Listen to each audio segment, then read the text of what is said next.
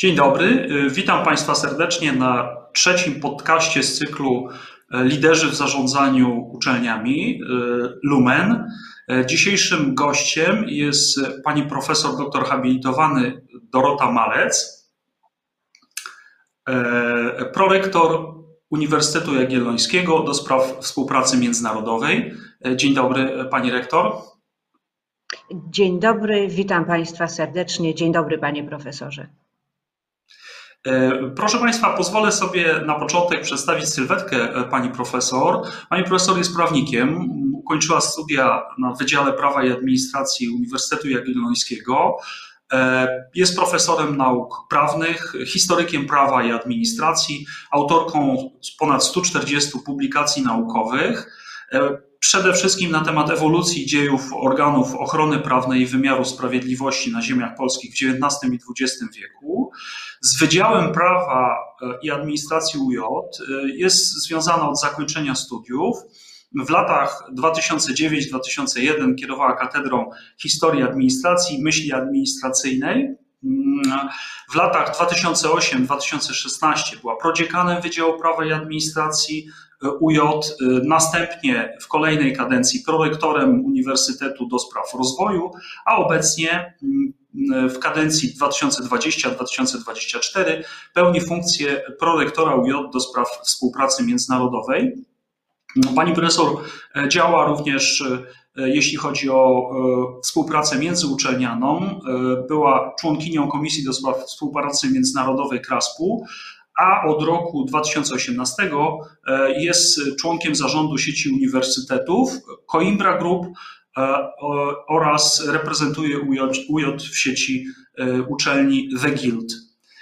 Dzisiejszym tematem rozmowy jest zarządzanie umiędzynarodowieniem uczelni i podobnie jak w poprzednich rozmowach, chcielibyśmy tutaj ulokować nasze pytania z jednej strony na perspektywie makro, a więc dotyczącej całego ładu akademickiego i zmian w świecie uczelni. Z drugiej strony przyjrzeć się trochę Uniwersytetowi Jagiellońskiemu i procesowi umiędzynarodowienia jako swoistemu studium przypadku, pozytywnego studium przypadku. Jestem profesorem Uniwersytetu Jagiellońskiego i doświadczam tego jako uczestnik tych zdarzeń i muszę powiedzieć, że z perspektywy tych 12 lat mojej pracy rzeczywiście procesy umiędzynarodowienia pogłębiły się.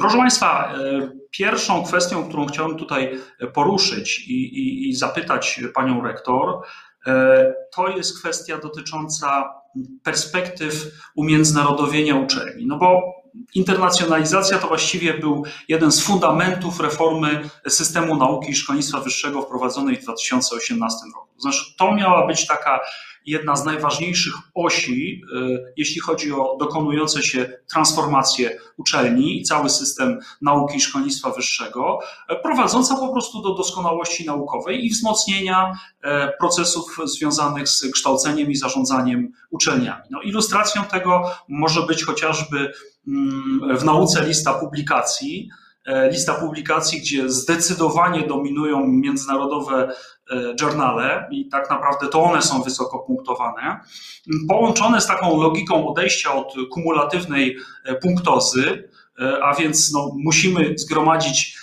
niewielką względnie liczbę osiągnięć, ale za to o najwyższych punktacjach. No i mówiąc krótko, jesteśmy tutaj w pewnym stopniu, w cudzysłowie mówiąc, skazani na współpracę międzynarodową, publikacje w międzynarodowych czasopismach, ale to również dotyczy przyciągnięcia większej liczby, liczby cudzoziemców i studentów i pracowników naukowych, no i podjęcia takiej realnej konkurencji międzynarodowej pomiędzy uczelniami, czego niezbyt lubianą w środowisku akademickim miarą są na przykład międzynarodowe rankingi, w których ścigamy się z uczelniami z całego świata.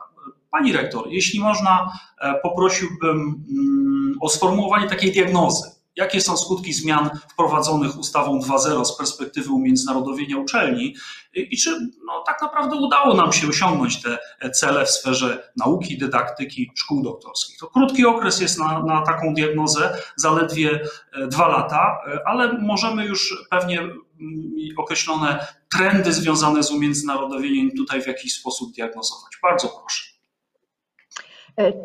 E, to rzeczywiście bardzo krótki okres. E, dwa lata od, e, trochę ponad dwa lata od wejścia w życie ustawy i trochę ponad rok od wejścia w życie nowych regulacji na szczeblu uczelnianym, bo jak pan profesor doskonale wie, prace nad statutem trwały pewien okres, zanim zostały uwieńczone sukcesem. Więc ja miałabym problem z takim zdiagnozowaniem wszystkich skutków zmian wprowadzonych y, ustawą 2.0, nie tylko z perspektywy umiędzynarodowienia uczelni, y, Miałabym problem także dlatego, że ten ostatni rok to jest, jak doświadczamy tego wszyscy, rok szczególny, rok pandemii. Nie możemy tego wszystkiego od siebie oderwać i trudno byłoby mi stwierdzić w taki sposób oczywisty, co jest rezultatem mm, mechanizmów e, zawartych w ustawie 2.0, co jest rezultatem e, działań opartych na nowej strukturze uniwersytetu wynikających e, z rozwiązań statutowych, a które procesy zostały przyspieszone, względnie zahamowane warunkami wynikającymi mm, z, mm, z pandemii. E, na pewno e, warto podkreślić, e, mówiąc o tych problemach, jakieś nowe otwarcie, chyba myślę wszystkich uczelni na tworzenie obcojęzycznych y, programów studiów, które są łatwiej dostępne y, w tym module online'owym, coraz y, popularniejszym dla studentów zagranicznych. Na pewno takim dużym wyzwaniem, które stało się możliwe w ostatnim czasie, które jest realizowane też sądzę w wielu uczelniach, to tworzenie studiów wspólnie z uczelniami zagranicznymi. E, paradoksalnie podejmowanie pewnych formalnych decyzji e, stało się w okresie pandemii nieco łatwiejsze. E, nam udaje się dość szybko organizować spotkania, dyskusje, nawet na mm, wysokim i w licznym gronie e, e, decyzyjnym. Pewne decyzje mogą zapadać łatwiej i jest tylko, o, może to taka z mojej strony nadmierna ostrożność, pewna obawa, czy kolejnym etapie realizacji uda nam się zejść na nieco głębszy poziom niż ten, który umożliwia nam pandemia. Inaczej rzecz ujmując, zostaną z nami po pandemii pewne elementy pozytywne, y, coś, co możemy uznać za swoistą wartość dodaną do, tej, do tego ponadrocznego już y, okresu szczególnego funkcjonowania, mm, ale warto się też zastanowić, y, jak sobie uniwersytet i w tej współpracy międzynarodowej wyrażamy na okres po pandemii. Nawet jeśli miałby to być okres hybrydowy, z tą pandemią w tle ciągle z nami, z tym wirusem ciągle z nami pozostającym. Mm, krótko mówiąc, wyobrażam sobie, że dobrze byłoby przygotować jakąś strategię funkcjonowania mm, jednostek szkolnictwa wyższego w tym kolejnym kroku. Myślę, że nowy rok akademicki może być już takim okresem przejściowym między tymi, między tymi rozwiązaniami uwarunkowanymi zwalczaniem wirusa SARS-CoV-2 a takim względnie normalnym, względnie normalnym działaniem. Y, Kontynuując ten odpowiedź na pytanie pana profesora, jakie są skutki zmian wprowadzonych ustawą 2.0 z perspektywy umiędzynarodowienia uczelni, wydaje mi się, że trudno byłoby nie zwrócić uwagi na zmiany sposób funkcjonowania szkół doktorskich. To jest nowość będąca rezultatem ustawy 2.0 i znowu te ostatnie miesiące mm, umożliwiły trochę nowe otwarcie jeśli chodzi o funkcjonowanie, organizowanie mm, szkolenia doktorantów, właśnie z y, uwzględnieniem głębszego zaangażowania szkół doktorskich, y, doktorantów y, w realizację międzynarodowych projektów badawczych, nawiązywanie kontaktów. Dziękuję, dziękuję bardzo e, pani rektor e, i no, w naturalny sposób przeszliśmy do problematyki związanej z tym, w jaki sposób uczelnie radzą sobie z pandemią i właściwie jaki ma ona wpływ na procesy umiędzynarodowienia. No bo tutaj z kolei wydaje się, że dość oczywista jest konstatacja, że, że pandemia to jest ruina dla umiędzynarodowienia, mówiąc e, takim językiem dramatycznym. A z drugiej strony, no, prowadząc kilkanaście, może nawet kilkadziesiąt tych, tych webinarów i podcastów w zeszłym roku i w tym roku, Miałem okazję również rozmawiać na konferencji Lumen z, z, jego magnificencjami polskich uczelni. No i twierdzą, że poradziliśmy sobie dobrze z, proces, z przejściem na procesy zdalnego kształcenia, e, zdalnego zarządzania nauką i zarządzania uczelnią w ogóle. E, no ale możemy powiedzieć tak, no, mobilności przecież nie, nie działają. Nie ma programu Erasmus.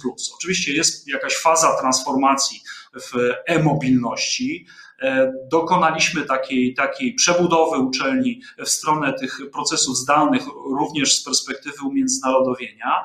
E, jednak powstaje tutaj, tutaj e, pytanie właśnie o, o, o diagnozę. Jak pani, pani profesor uważa, czy czy poradziliśmy sobie z tym i jakie są wyzwania w tym okresie następnym, właśnie w okresie, kiedy no, dzięki temu, że nauczyliśmy się określonych narzędzi kształcenia zdalnego, współpracy naukowej właśnie w zespołach międzynarodowych wykorzystujących te, te narzędzia internetowe, e, czy i w jakim stopniu to, to z nami zostanie, jaki będzie właściwie ten kształt nowego uniwersytetu właśnie w sferze internacjonalizacji. Na pewno w ostatnich miesiącach i myślę, że w kolejnych też w dużym stopniu najważniejsze dla nas będzie zapewnienie bezpieczeństwa, zachowanie ciągłości kształcenia i ciągłości prowadzenia e, badań naukowych. E, przy no, próbie znalezienia takiej optymalnej formuły e, działania w sytuacji, której nikt z nas nie mógł przecież przewidzieć i której skutkami y, musimy się borykać codziennie. Proszę pamiętać, że zaledwie rok temu byliśmy w sytuacji, kiedy niemalże z dnia na dzień trzeba było uruchomić nowe albo niewykorzystywane niekiedy w tak dużym stopniu mechanizmy kształcenia i mechanizmy pracy zdalnej. Jak przypominam sobie kwiecień 2020 e, roku, to pamiętam, jak dużym przedmiotem troski ze strony władz uczelni, nie tylko mojej uczelni, nie tylko Uniwersytetu Jagiellońskiego, ale myślę, że to szerzej w skali wszystkich uczelni polskich miało miejsce, była troska o pomoc dla studentów i pracowników y, przebywających y, poza mm, uczelnią y, w chwili wybuchu pandemii. To takie trochę bolesne wspomnienia, ale też pokazujące, jak bardzo w sytuacji kryzysu, potrafiliśmy się zorganizować i realizować zadania bez zastanawiania się, czy coś należy do naszych obowiązków, czy to jest już sfera e, nieinteresująca, która nie powinna interesować e, władz uczelni. Ciężkie doświadczenie, ale też i myślę, że doświadczenie, które e, nas mocno kształtowało na następne fazy tej walki odnajdywania się w warunkach pandemii. Bo dla mnie nie ma cienia wątpliwości, że to jest w tej chwili najważniejsza przeszkoda w tym, byśmy nie tyle wrócili do stanu poprzedniego, bo my do niego nie wrócimy. Myśmy w tym rocznym okresie, moim zdaniem, osiągnęli mimo niesprzyjających warunków bardzo dużo, bo ta współpraca międzynarodowa, mimo wszystko, mimo wszelkich obaw, nie zamarła całkowicie, choć maksymalnie ograniczona została fizyczna mobilność studentów, doktorantów i pracowników. Nie było możliwości realizowania wszystkich zaplanowanych wyjazdów zagranicznych, Ciągle mamy przecież problem z określeniem w sposób niebudzący wątpliwości, czy będziemy mogli przyjąć naszego współpracownika zagranicznego w Krakowie, czy szerzej w Polsce ale na pewno to nie jest, pandemia nie była, okres pandemii nie był jakąś zaporą i to nie był okres, kiedy te działania całkowicie e, zamarły. Bo paradoksalnie to był okres, w którym udawało się e, znajdować e, nowych kontrahentów, nowych partnerów do współpracy międzynarodowej. To był też okres, kiedy E, poprzez udział w licznych wspomnianych przez Pana profesorach webinariach, e, spotkaniach e, różnych grup udało się zaznaczyć i utrwalić naszą obecność. Problem, moim zdaniem, kluczowy, fundamentalny jest teraz taki, by udało się przekuć te nowe wartości w realną współpracę, pogłębić tę współpracę w następnych, w następnych latach. Na pewno y, tu już będziemy musieli uwzględniać nowe ścieżki i współpracy, i działalności dydaktycznej, i y, współpracy y, międzynarodowej. To się przecież dzieje na różnych płaszczyznach. W wypadku Uniwersytetu Jagiellońskiego nie ustały w ostatnich miesiącach, a wręcz zostały zintensyfikowane prace nad realizacją zasad y, Uniwersytetu Europejskiego, UNA Europa, gdzie jesteśmy jednym z członków konsorcjum i to jest y, wartość y, szczególna w moim przekonaniu w tym zarządzaniu y, procesem umiędzynarodowienia element chyba kluczowy, jeśli chodzi o mm, określenie naszej y, przyszłości. To na pewno jest y, realizacja programu Uniwersytetu Badawczego, gdzie jednym z filarów realizacji projektu jest właśnie element internacjonalizacji, umiędzynarodowienia, umiędzynarodowienia badań, umiędzynarodowienia sposobu publikowania rezultatów naszych prac badawczych, ale także i mm, w szerszym kontekście już nie tylko Uniwersytetu Badawczego umiędzynarodowienie procesów dydaktycznych. A co do.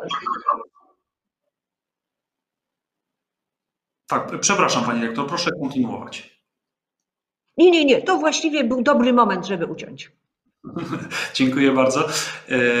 Tutaj zawsze z wykorzystaniem tych narzędzi miewamy problemy z sekwencyjnością. Gdybyśmy rozmawiali ze sobą face to face, nie byłoby e, tego rodzaju problemów, ale uczymy się tego.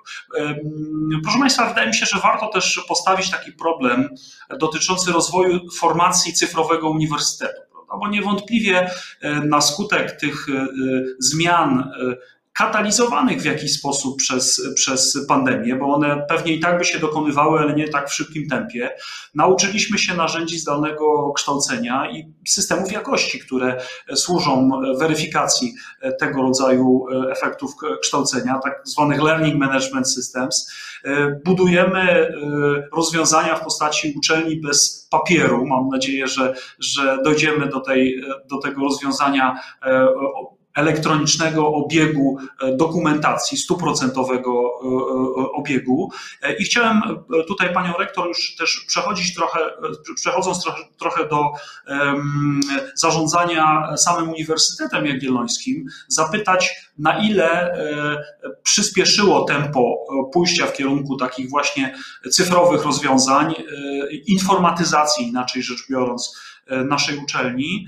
E, e, I jakie dobre praktyki moglibyśmy tutaj wskazać po prostu, jeśli chodzi o, o, o Uniwersytet Jagielloński, e, a może inne uczelnie, na których możemy się właściwie wzorować? Bo ja mam w głowie takie, mm, taką perspektywę, że właściwie opinie, jeśli chodzi o, o, skutki pandemii, są takie ambiwalentne. Z jednej strony spotkałem się z opiniami, że one no, burzą kulturę akademicką, ten, ten, ten tradycyjne rozwiązanie mistrz-uczeń, że problem braku kontaktu no, jest ogromnym problemem w wielu dyscyplinach naukowych. Z drugiej strony, y, y, na przykład y, powołując się na opinię pana przewodniczącego Kraspu, rektora profesora Arkadiusza Mężyka, że właściwie kształcenie z wykorzystaniem tych narzędzi zdalnych daje takie możliwości nie tylko e, lepszego, e, lepszej organizacji tego procesu kształcenia, większej elastyczności, ale też de facto większej kontroli nad jakością kształcenia i sposobu wykorzystania narzędzi, właśnie takich e, narzędzi w postaci możliwości nagrań filmowych, emitowania tego. Jestem bardzo tutaj zainteresowany, jak pani rektor postrzega to z perspektywy Uniwersytetu Jagiellońskiego. No ja mam nadzieję, że ten tradycyjny uniwersytet oparty na relacji mistrz-uczeń przetrwa, choć z pewnością e, będzie się rozwijał w nieco innych warunkach, uwzględniających to, co się w międzyczasie stało. E, na pewno nie odejdziemy od procesów formowania czy przekształcania uniwersytetu e, w jakimś stopniu w uniwersytet cyfrowy. E, no, myśmy do tego byli na Uniwersytecie Jagiellońskim już właściwie przygotowani w pewnym stopniu przed pandemią, bo jak pan profesor e, doskonale wie, już od 2014 roku wszyscy pracownicy, studenci e, mogą korzystać choćby z niektórych technologii w ramach chmury Office. To nam bardzo ułatwiło i przyspieszyło rok temu y, przejście na nowy sposób komunikowania się y, ze studentami, komunikowania się w obrębie y, gremiów zarządczych uniwersytetu. A niezależnie od tego, od pewnego czasu te procesy informatyzacji, cyfryzacji uniwersytetu także się dokonywały. To jest mm, okres poprzedniej y, kadencji y, działania mm, rektora Mena Edigariana, y, nakierowane na mm, realizację zadań już skierowanych konkretnie w stronę studentów. To choćby aplikacja mobilna dla studentów, która no, umożliwi integrowanie elementów, różnych elementów życia, e, życia e, akademickiego. To działo się już wcześniej, wdrażane jest e, w tej chwili w związku z realizacją szeregu projektów, których partnerem jest uniwersytet. To projekt Doskonały Uniwersytet, skierowany na właśnie te elementy cyfryzacji. Sfera dydaktyczna zupełnie niewyobrażalna kilka lat temu studenci Kolegium Medicum będą się mogli uczyć z wykorzystaniem technologii rzeczywistości mieszanej. E, na zajęciach będą używali e, okularów, które e, pozwalają obserwować trójwymiarowe modele, umożliwiają manipulowanie tymi modelami, ruchami rąk. To Wydawałoby się kilka lat temu, że e, raczej scenariusz e, filmu science fiction niż e, normalny element kształcenia uniwersyteckiego. To się bardzo, bardzo się to zmieniło. Czy przejdziemy całkowicie na cyfrowy schemat zarządzania życiem uniwersyteckim. No, jako historyk prawa muszę tutaj wyrazić nadzieję, że ten papier może jednak przetrwa w jakiejś formie i coś się uda w sposób tradycyjny, tradycyjny badać za lat kilkadziesiąt, chociaż oczywiście ta digitalizacja to także digitalizacja dokumentów. I z tego też już y, wszyscy od kilku lat również w badaniach y, naukowych korzystamy. Czy udaje się sprawnie przechodzić tak ogromnemu organizmowi y, jak uniwersytet na ten nowy styl działania? No, już od pewnego czasu, od kilku lat, te systemy zarządcze są wspierane przez system SAP Teraz wdrażany jest system elektronicznego mm, zarządzania dokumentami. Wiele e, procesów e, w tym obrębie e, tego tak zwanego umiędzynarodowienia realizowanych jest w sposób elektroniczny. Znikają nam stopniowo zgody czy wnioski o zgodę na wyjazd zagraniczny, przyznanie diet. To wszystko się odbywa znacznie szybciej w tej rzeczywistości y, elektronicznej i y, no, odnajdujemy się w tym coraz, y, coraz lepiej, działamy coraz pewniej. Znowu z pewnością wiosna 2020 roku przyspieszyła, wymusiła na nas akceptację dla takiego szerszego wprowadzania tego nowego sposobu funkcjonowania uniwersytetu. Jeszcze wiele zostało do zrobienia, ale myślę, że e, z perspektywy choćby tylko tego roku i działań podejmowanych wcześniej, e, jeszcze przed pandemią, można, można mówić o e, sukcesie i można oceniać rezultaty tych działań z satysfakcją. Dziękuję bardzo Pani Rektor. Chciałem powiedzieć, że, że od tego podcastu wprowadziliśmy tutaj taką zasadę e, suwaka i nie mogę tutaj, mając, mając jako gościa e, e, liderkę akademicką, nie zapytać o kwestię partycypacji kobiet.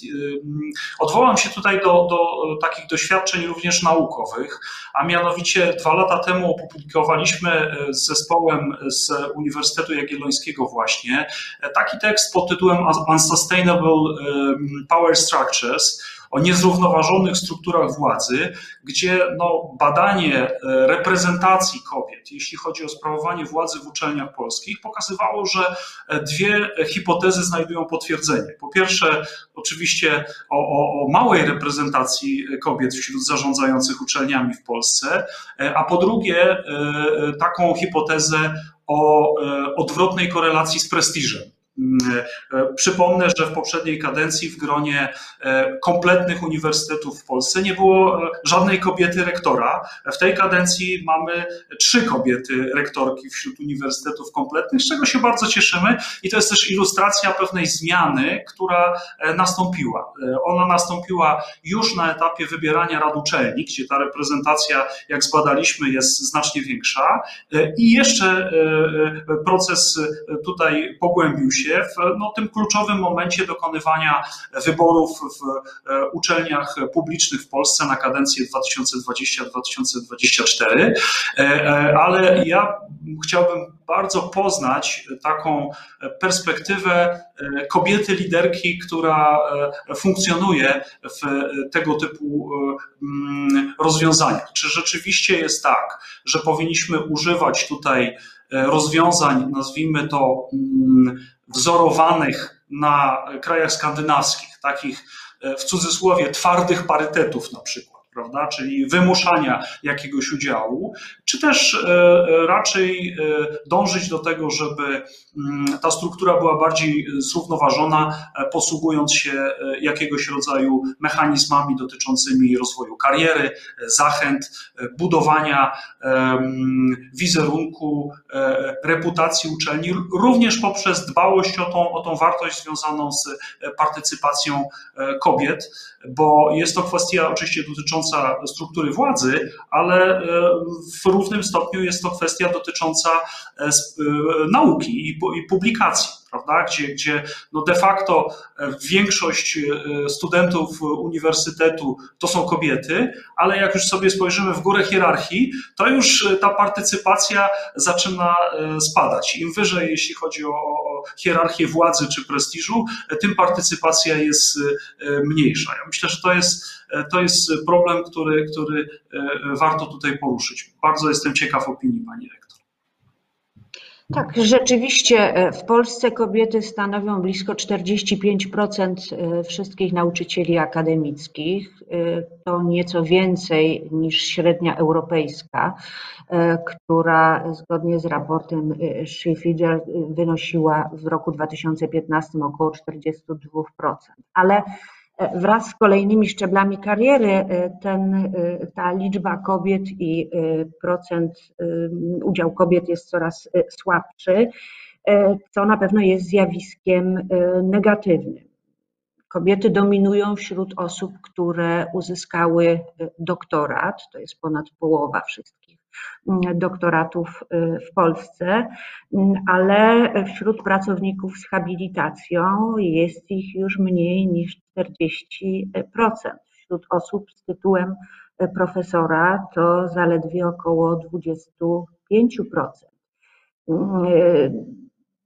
to w porównaniu z tą średnią europejską e, ciągle może jeszcze nie jest e, najgorzej. I a ja jestem z natury optymistką. Wydaje mi się, że różnica, która się dokonała w ostatniej dekadzie, jest e, ogromna. Nie opieram się tu na żadnych badaniach, poza empirycznym stwierdzeniem pamiętam swoją własną radę wydziału sprzed 10 lat gdzie nas kobiet było zaledwie kilka, a w tej chwili to rzeczywiście jest już około połowy członków Rady Wydziału uprawnionych do głosowania.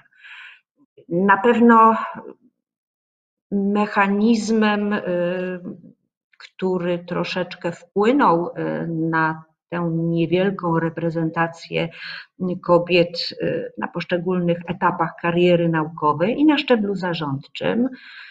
Y, no był fakt tutaj, to jest konstatacja dość oczywista, że przecież dostęp kobiet do wyższego wykształcenia to jest w gruncie rzeczy zdobycz nieco ponad stuletnia. Mój rodzimy, macierzysty, ukochany Wydział Prawa i Administracji dopiero w roku szkolnym, e, akademickim 2019-20 zezwolił oficjalnie kobietom na podjęcie studiów e, prawniczych. Trochę czasu zatem zajęło zwalczanie tych stereotypów, jeśli chodzi o wykonywanie zawodów prawniczych. Myślę, że podobnie jest i w wypadku innych dziedzin czy dyscyplin naukowych. Czy wskazane byłyby jakieś mechanizmy wspierania kariery kobiet? Mam mieszane uczucia. Wydaje mi się, że jednej strony wprowadzanie tego rodzaju mechanizmów y, będzie się wiązało z pewnymi problemami y, przy realizacji wynikających z tego zobowiązań, ale z drugiej strony takich mechanizmów nie da się uniknąć, bo one wynikają z rozmaitych przepisów i naszych uwarunkowań, faktu, że działamy w obrębie znacznie większego ekosystemu niż tylko szczebel ogólnopolski choćby wymagania formalne związane z prawem do posługiwania się logiem, logo HR Excellence wymagają wprowadzenia pewnych mechanizmów na szczeblu e, prawa wewnętrznego uczelni, gwarantujących odpowiedni udział kobiet w gremiach kolegialnych, rozmaitych ciałach i komisjach. To zresztą na uniwersytecie się e, dzieje. Proszę się przyjrzeć i przeanalizować składy różnych właśnie tego rodzaju gremiów, komisji e, publikowane w Biuletynie Informacji e, Publicznej. W ostatnim roku te proporcje już właściwie się wyrównują. Przed nami jeszcze jest bardzo daleka droga. To jeszcze trochę potrwa, ale, ale y, już się, to, y, już się to y, zmienia. I myślę też, że takim elementem formalnym, na którego istnienie trzeba zwrócić uwagę, jest funkcjonowanie w wielu uczelniach rozmaitych podmiotów wspierających proces podnoszenia jakości kształcenia i y, wspierających y, polepszenie warunków y, pracy. To są podmioty także działające na rzecz bezpieczeństwa i równego traktowania. E, mam na myśli nie tylko instytucję Rzecznika Praw i Wartości Akademickich, przewidzianą przez statut Uniwersytetu e, Jagiellońskiego, ale także e, funkcjonowanie działów na szczeblu administracji centralnych, takich jak dział Bezpieczni UJ czy e, dział do spraw osób niepełnosprawnych. Ta polityka równego traktowania ma bowiem znacznie szerszy wymiar i tu także w ostatnich latach bardzo dużo w naszym podejściu się zmieniło. Myślę, że to jest zjawisko szersze, występujące w skali e, wszystkich e, uczelni w Polsce. W różnym stopniu są te założenia realizowane, ale mam nadzieję, że kiedy spotkamy się za 3 czy 4 lata, to e, będę mogła podać kolejne dane, kolejne statystyki ukazujące, e, e, jak e, bardzo odchodzimy od, tego, od tych stereotypów z poprzedniej epoki. Dziękuję bardzo Pani Rektor i chciałem przejść do ostatniego, ostatniego problemu w tej naszej dzisiejszej rozmowie, E, a mianowicie e, karier młodych pracowników nauki, z którymi no przecież e, właśnie wiążemy przede wszystkim nadzieję na tą zmianę w kierunku doskonałości polskiej nauki i szkolnictwa wyższego. Ja przyznam szczerze, że mam osobiście taką ambiwalencję, jak jestem pytany przez młodych pracowników nauki, mm, ponieważ tak, reprezentuję praktyczną dyscyplinę i właściwie to chciałoby się powiedzieć, no jeśli uczycie zarządzania, pewnie podobnie jest, jeśli chodzi o prawo czy, czy, czy medycynę, to miejcie kontakt z tą praktyką, a z drugiej strony ze swojego doświadczenia zawodowego wiem, że w tej chwili ogromnie procentuje głęboka specjalizacja. Jeśli chcesz być pracownikiem naukowym, e, to skoncentruj się na działalności naukowej przede wszystkim właśnie, na budowaniu zespołów międzynarodowych, e, Znajomość innych języków poza językiem angielskim jest oczywiście bardzo miła, ale jest to głównie hobby i znajomość kultury. Wobec tego pytanie, e, i to nie chodzi e, wyłącznie tutaj o, o, o awans młodych kobiet, jeśli chodzi o, o, stanowiska w uczelniach, ale, ale w ogóle młodych ludzi z perspektywy e, już nie tylko zarządzającego uczelnią, ale też z perspektywy własnej dyscypliny naukowej, prawnika. Co, co pani rektor mogła tutaj doradzić młodym ludziom? Z tym z tymi radami to mam pewien problem, dlatego że e, tutaj trudno jest o jakąś taką właśnie ogólną, generalną e, radę, która mogłaby być e, skierowana do wszystkich młodych pracowników nauki, poza takim przesłaniem: proszę nie rezygnować z marzeń. To jest najważniejsze, bo jeśli nie będziemy rezygnować z marzeń, to będzie nam towarzyszyć przez cały okres naszej e, pracy pasja badawcza. Bez pasji badawczej e, nie ma mowy o realizacji jakiegokolwiek celu, bez względu na dyscypliny. Natomiast sposób realizowania tych zamierzeń, tych planów czy marzeń, on będzie zapewne zróżnicowany w zależności od dyscypliny. Inna będzie sytuacja młodego mm, adepta nauk medycznych, inna będzie sytuacja młodego biologa, inaczej to będzie wyglądało w wypadku politologa czy, mm, czy osoby reprezentującej mm, inną dyscyplinę. Na pewno y, w wypadku części y, to powiązanie z praktyką jest niesłychanie y, istotne. Na pewno duża konsekwencja w działaniu, niezrażanie się przeciwnościami, które mogą się pojawić na drodze. I znowu wrócę do tego mm, ogólnego przesłania: nie rezygnować z marzeń by nie zatracić pasji badawczej. To jest chyba najważniejsza rada z różnymi sposobami realizacji.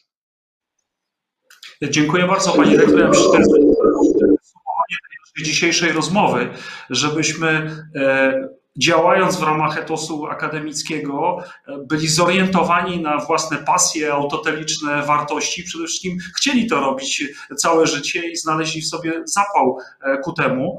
E, bardzo się cieszę, pani rektor, że dzisiaj mogliśmy sobie porozmawiać na tematy umiędzynarodowienia i spojrzeć na nie z optymizmem. Zebraliśmy się tutaj dwoje optymistów. Ja też patrzę w podobny sposób, to znaczy, choć bardzo współczuję i rozumiem, jakie, jakie gigantyczne problemy, problemy przyniosła ze sobą pandemia, to jednak widzę również kierunki zmian, które rysują się w tym naszym świecie uczelni, związanych z zarządzaniem, z nauką i dydaktyką, i próbuję myśleć o tym, jak możemy najlepiej wykorzystać te, te zmiany w mentalności, w funkcjonowaniu uczelni, w organizacji uczelni. Możemy po prostu e, wykorzystać w kierunku doskonalenia i rozwoju uczelni. Bardzo dziękuję e, Pani Rektor za e, dzisiejszą rozmowę. Bardzo się cieszę, że mogliśmy przybliżyć tematy związane z umiędzynarodowieniem.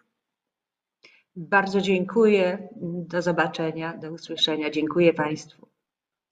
Dziękuję bardzo Państwu i zapraszam na e, kolejny podcast we wtorek po weekendzie majowym. To będzie 11, 11 maja.